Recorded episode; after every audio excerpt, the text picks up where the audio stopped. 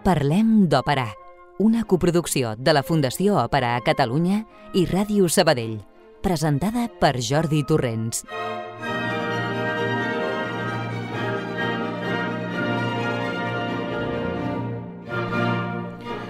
Bona nit a tothom, com esteu? Com porteu l'hivern? Jo penso que força bé, no? Perquè, bé, mm, sí que està fent fred, però tampoc és tant, eh?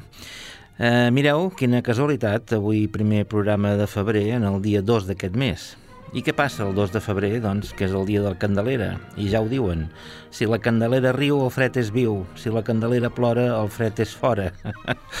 Interpreteu com vulgueu. Jo penso que el refrenyer popular pel que fa a les coses meteorològiques ha quedat ben desfassat en aquesta època de canvi climàtic. Nosaltres, però, seguim parlant d'òpera, tant se val si la Candelera plora o riu. Eh, bé, Aguilar, el control de so, i qui us parla, Jordi Torrents, us donem una cordial benvinguda.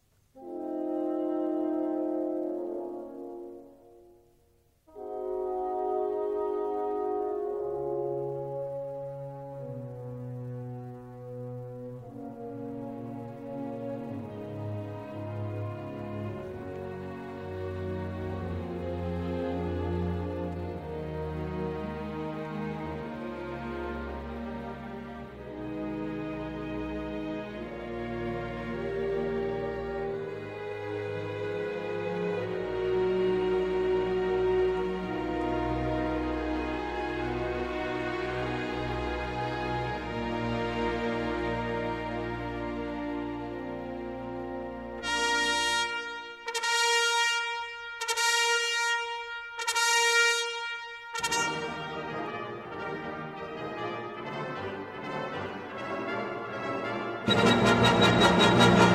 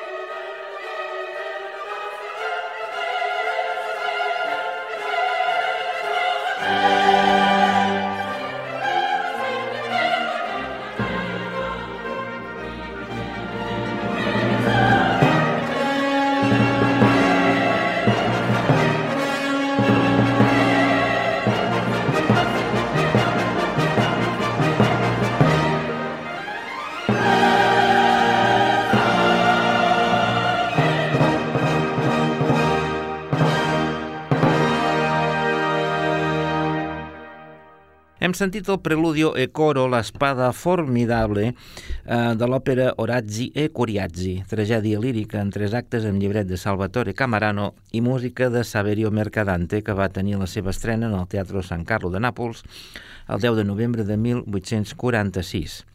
Avui, ja que és el primer programa del mes, toca descobrir alguna òpera poc o gens coneguda, almenys a casa nostra, i vaig decidir fer-ne una de Mercadante. I vaig triar aquesta ja que gaudeix d'un bon enregistrament. Perquè us feu una idea, el Liceu només s'ha fet en una ocasió quatre funcions entre agost i setembre de 1848. I mai més. Va dirigir l'orquestra el mestre català Marià Ubiols, que havia estat d'exemple del mateix Mercadante i que si vareu seguir el darrer Aló Flameric fa només tres setmanes, varen mencionar que fins ara havia estat l'únic català en estrenar una òpera a l'escala.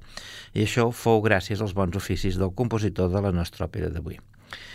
Mercadante fou un compositor molt important en la seva època, el belcantisme i també l'època més tardana d'aquest moviment, ja que va gaudir d'una carrera força llarga que, com molts altres, va acabar quedant anul·lat, anul·lada per la immensa figura de Verdi, si dic que avui en dia de Mercadante no se'n recorda ni el Tato, no diria la veritat del tot, però gairebé. Aquí ni està ni se l'espera.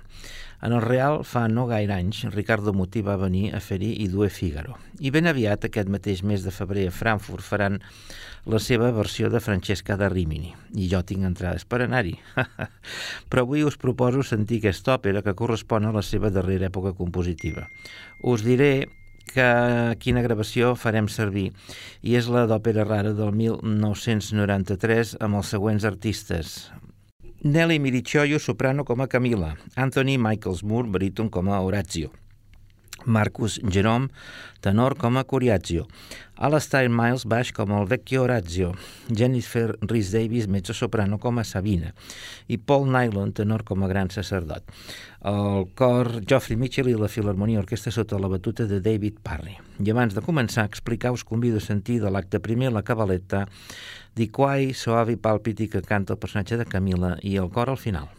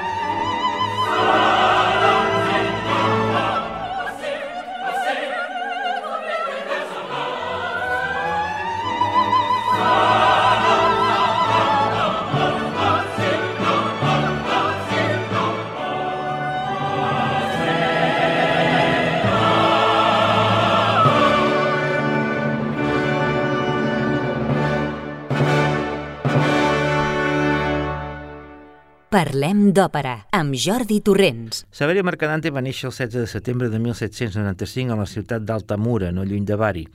Va estudiar en el Conservatori de Nàpols violí, flauta i composició. Entre els seus professors hi havia Niccolò Zingarelli, el, ell mateix, un destacat compositor d'òpera en aquella època i per poc temps va ser condeixeble de Bellini, que s'havia traslladat a estudiar a Nàpols des de la seva Sicília natal. En una visita al conservatori, Rossini, que encara que molt jove ja era un compositor consagrat, va felicitar Zingarelli pel seu alumne. Obro cometes. Les meves felicitacions, maestro. El seu jove alumne Mercadante comença allà on nosaltres acabem. Tanco cometes. Com sempre, Rossini, no saps mai per on agafar-lo. El 1817 va ser nomenat director de l'Orquestra del Conservatori, temps en el qual va compondre nombroses sinfonies i concerts per diversos instruments entre ells sis per flauta, que suposadament devia estrenar ell mateix com a solista. Rossini el va encoratjar a escriure òperes, i així ho va fer. La seva primera òpera va ser l'Apoteosi d'Hèrcole, un tema mitològic, com veieu, estrenada en el Teatre Sant Carlo de Nàpols el 19 d'agost de 1819, quan el seu autor només tenia 23 anys. Va anar fent, component força òperes que s'estrenaven a Nàpols i a Roma, fins que la setena va tenir un gran èxit. El melodrama semiseriós Elisa e Claudio, estrenat a l'escala el 30 d'octubre de 1821, el qual aviat eh, va sortir a l'estranger. Londres, París i fins i tot Nova York. La seva música d'aleshores recorda molt Rossini, amb els seus característics crescendos. No negarem que potser li faltaria aquella brillantor especial tan pròpia del mestre de Pesaro, però està clar que Mercadante encara estava lluny en aquell moment de compondre les seves obres més destacades de maduresa, les quals trigarien en arribar encara més de 15 anys.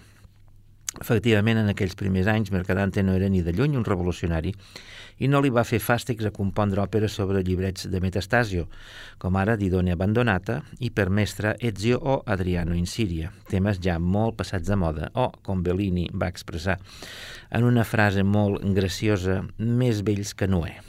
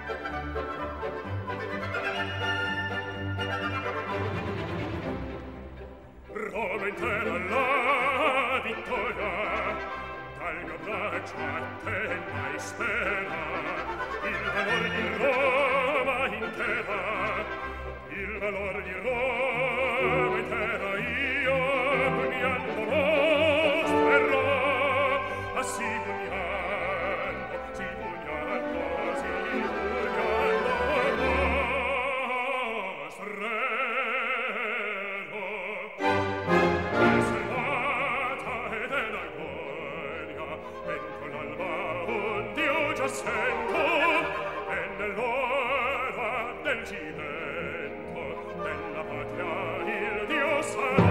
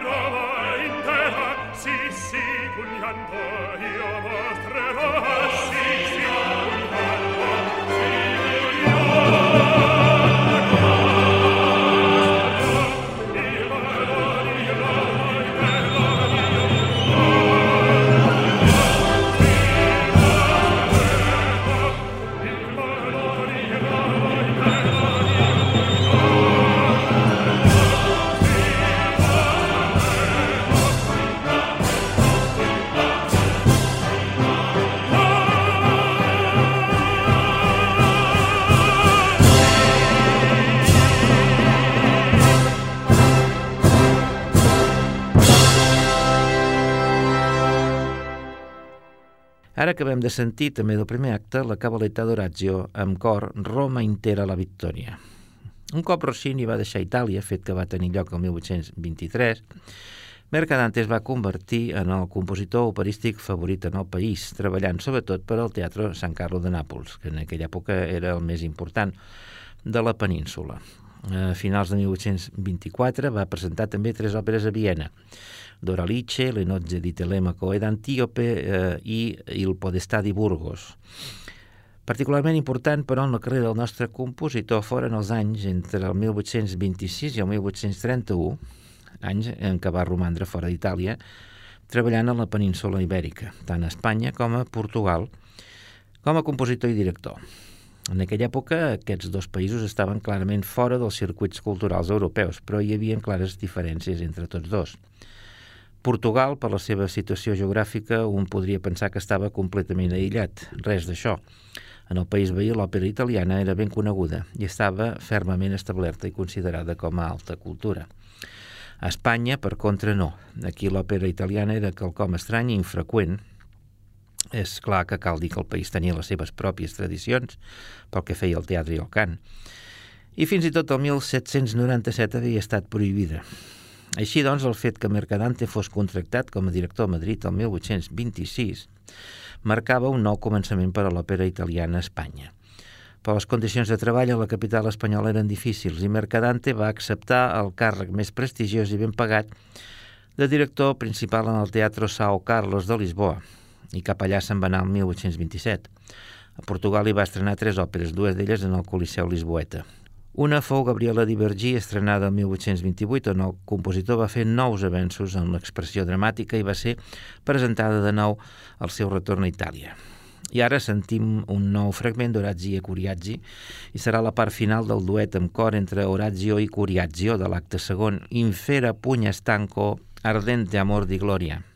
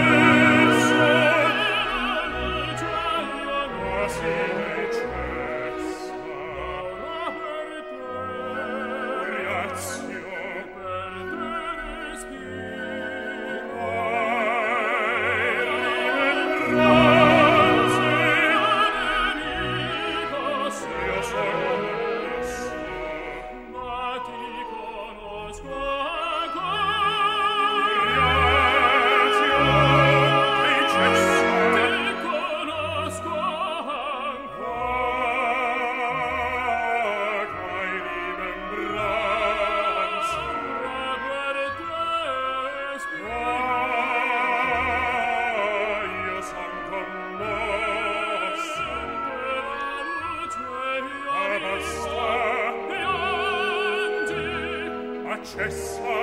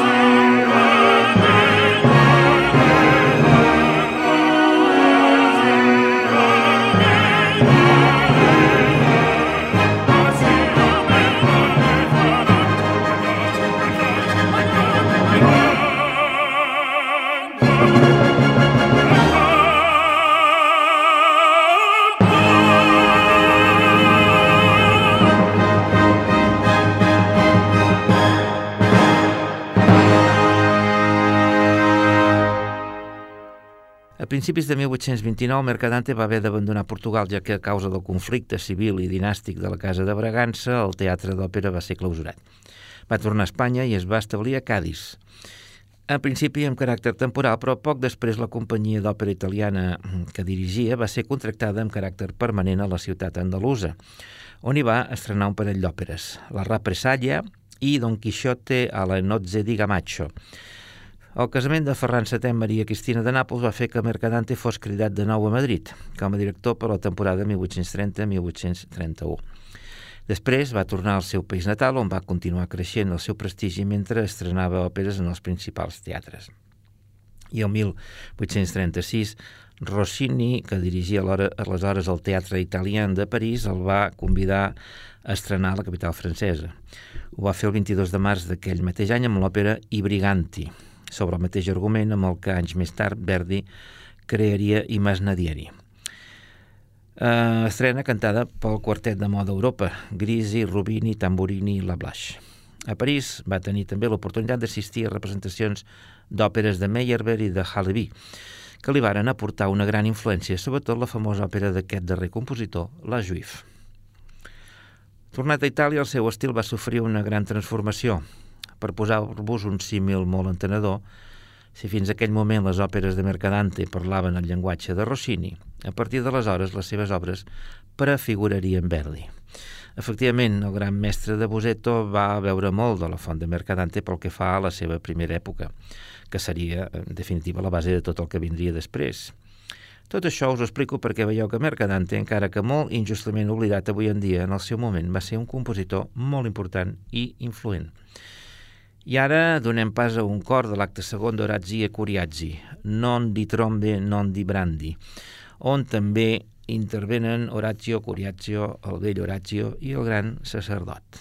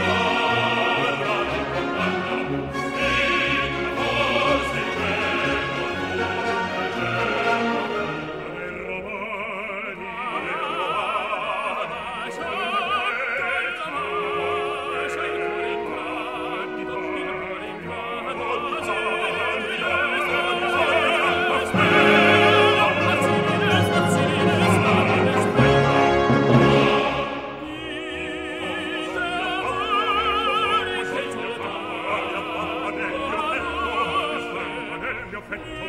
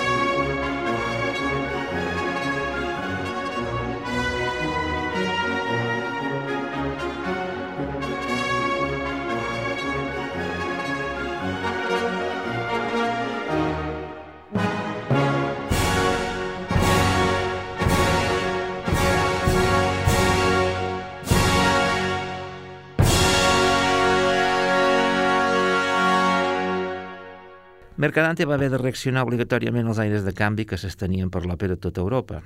Els seus rivals més directes ja havien triomfat amb coses noves feia anys i es mantenien en el cim. Gaetano Donizetti havia estrenat Anna Bolena el 1830 i Bellini Norma el 1831. És més, quan Mercadante va tornar de París, el gran sicilià, probablement el compositor de més talent d'aquella època, ja havia mort prematurament a la capital francesa però Donizetti seguia allà, produint grans èxits amb una velocitat que marejava. Mercadante va assolir el pic de la seva carrera a partir del 1837. Poc després, Donizetti començava a declinar i apareixeria Verdi.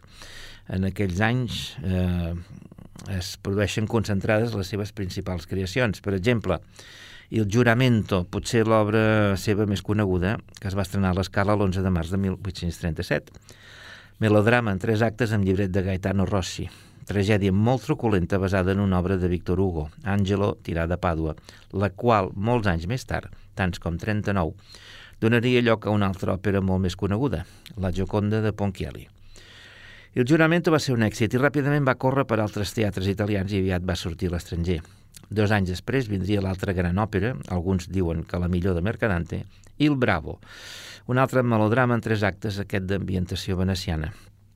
També amb llibret de Gaetano Rossi, inspirat en un drama francès, i una novel·la de l'americà James Fenimore Cooper, el famós autor del darrer dels Mohicans, i estrenada a l'escala el 9 de març de 1839. L'èxit va ser triomfal i va gaudir de 40 representacions seguides en el teatre milanès.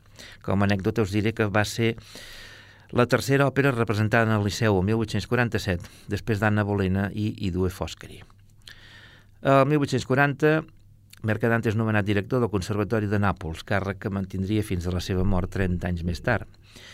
Aleshores, el panorama operístic a Itàlia quedava molt concentrat. D'una banda, el gran tòtem de l'època, Donizetti, el més internacional de tots, ja que treballava molt a París i a Viena, però el compositor de Bergamo li quedaven pocs anys abans de sucumbir, massa jove encara, la malaltia que el deixaria fora de combat i el portaria a la mort el 1848. Per una altra banda, hi havia Pacini, molt important i també oblidat que arribaria en èxits a Mercadante. Ell mateix, que va anar estrenant, si bé amb menys freqüència, i la nova estrella emergent, Giuseppe Verdi, que al març de 1842 amb Nabucco va donar la campanada i els va acabar esborrant a tots el mapa. Entre les òperes de maduresa més importants de Mercadante destaca la d'avui, el drama de romans Orazzi e Curiazzi, estrenat el 1846 del qual, doncs, sentirem tot seguit un fragment de l'acte tercer, que és la cabaleta de Coriazio, Non l'odi, Bill mi chiama.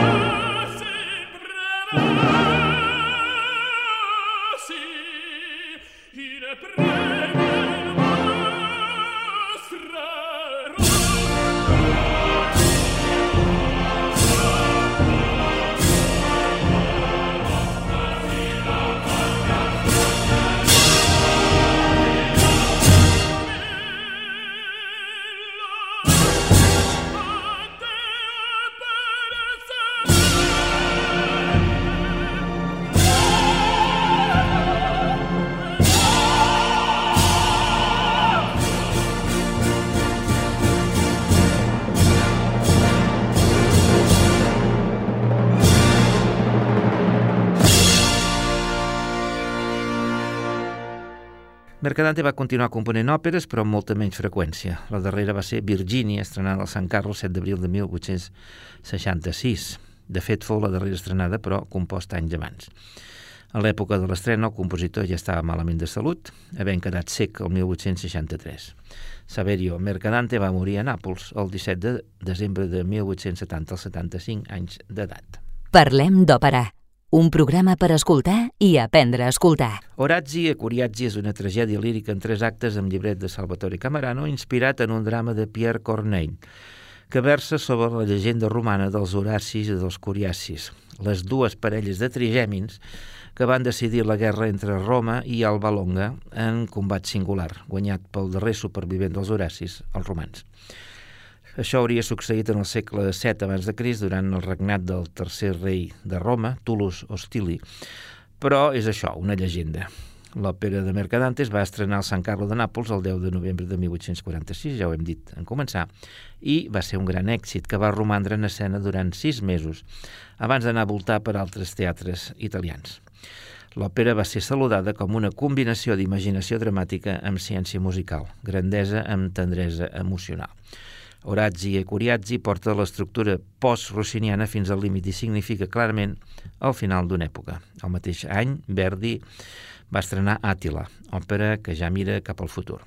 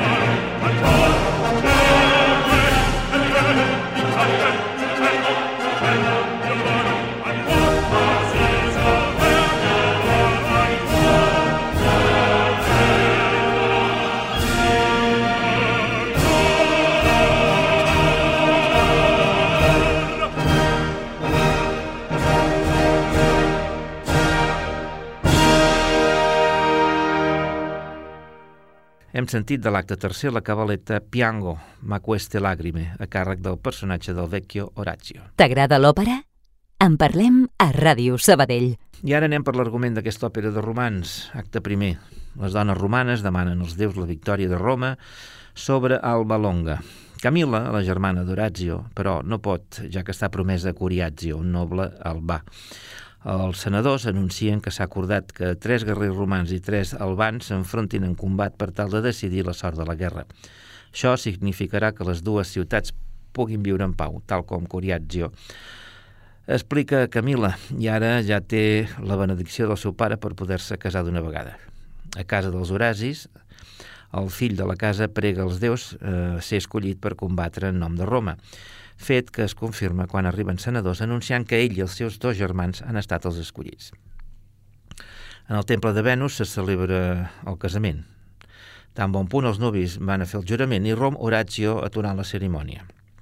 Diu que els guerrers albans ja han estat escollits. Són Curiazio i els seus germans.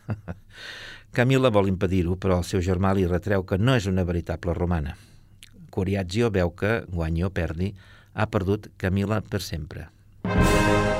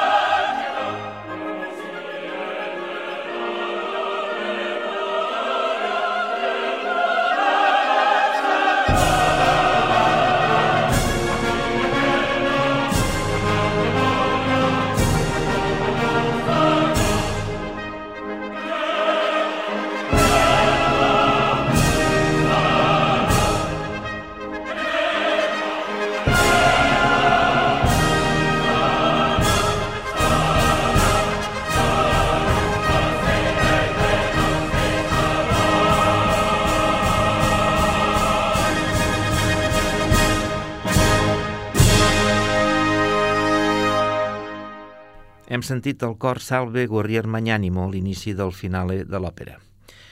Acte segon. Els germans Horacis demanen eh, la benedicció divina. Arriba Coriazio dient que no vol lluitar i Horacio s'hi oposa. L'Albali parla de la vella amistat i companyonia, com li va salvar la vida en batalla. Tot plegat fa plorar Horacio i Coriazio agraeix als déus que els romans també tinguin un cor. Fora les muralles de Roma es congreguen els dos exèrcits i els pobles per tal de presenciar el combat, però el gran sacerdot ho atura dient que els auguris no són propicis i decideix anar a consultar l'oracle a l'Aventino. Allà hi ha Camila que implora a Apolo que eviti el combat, que la manté amb el cor dividit. Arriben el sacerdot i els guerrers. També hi ha Sabina, la germana de Coriazio i esposa d'Orazio. L'oracle parla i és contundent. Han de lluitar. Tothom se'n va, excepte Camila, que mitja anada del cap es desmaia tot maleint Apolo i la guerra. Acte tercer. Coriazio tem el resultat de l'enfrontament. Si guanya, la seva estimada Camila l'odiarà per haver mort els seus germans. Si perd, serà ell qui mori. Arriba Camila amb Sabina i li prega que fugin junts i que si no la mati, allà mateix. Però mentrestant arriben uns per fer-lo anar al camp de batalla. Coriazio s'acomiada de Camila tot dient que res, ni el cel, ni l'infern, ni l'amor el farà ser un covard. El vell Horatio s'ha quedat a casa, no ho vol veure, no perquè temi pels seus fills, sinó per Roma. Arriben parents dient que tot està perdut. Dos Horatzis han mort i el tercer és en fugida. De sobte se senten crits de joia. Roma ha vençut. Entren senadors explicant com Horatio, amb l'estratègia de la fugida, ha fet córrer els tres coriatzis que anaven a diferents ritmes segons la gravetat de les seves ferides, i això li ha permès matar-los un a un. El vell plora d'orgull i tots se'n van a veure com Horatio és coronat vencedor. Horatio és aclamat per la multitud entre Camila fora de si i en quan veu el cadàver de Coriazio s'hi llença sobre. El seu germà li diu que deixi de plorar i que recordi que és una romana, però ell li diu que només li ha deixat el plor etern. Horatio comença a perdre la calma i li diu que l'està insultant i que, que si no el vol honorar, que almenys honori Roma. Camila, però, no l'escolta i acaba demanant als déus que facin ploure destrucció i foc sobre Roma per tal d'encendre la pira de Coriazio. El poble queda paralitzat d'horror davant la blasfèmia, però Horatio, sec de ràbia, malgrat que els sacerdots ho intenten impedir, mata la seva germana amb l'espasa. Tot morint, Camila perdona Horatio i demana a Roma que la perdoni, mentre que Horatio cau de genolls tot lamentant el feixuc preu que Roma li ha fet pagar. Bé, déu nhi el drama, eh, que sí? doncs això és Horatzi e Curiazzi, de Mercadante, i acabarem el programa tot sentint al final de l'òpera la mort de Camila. Sento l'estremo anelito. I amb això us deixaré fins al proper programa, que ja està gairebé a punt, d'aquí a set dies només. Adéu-siau i fins dijous que ve.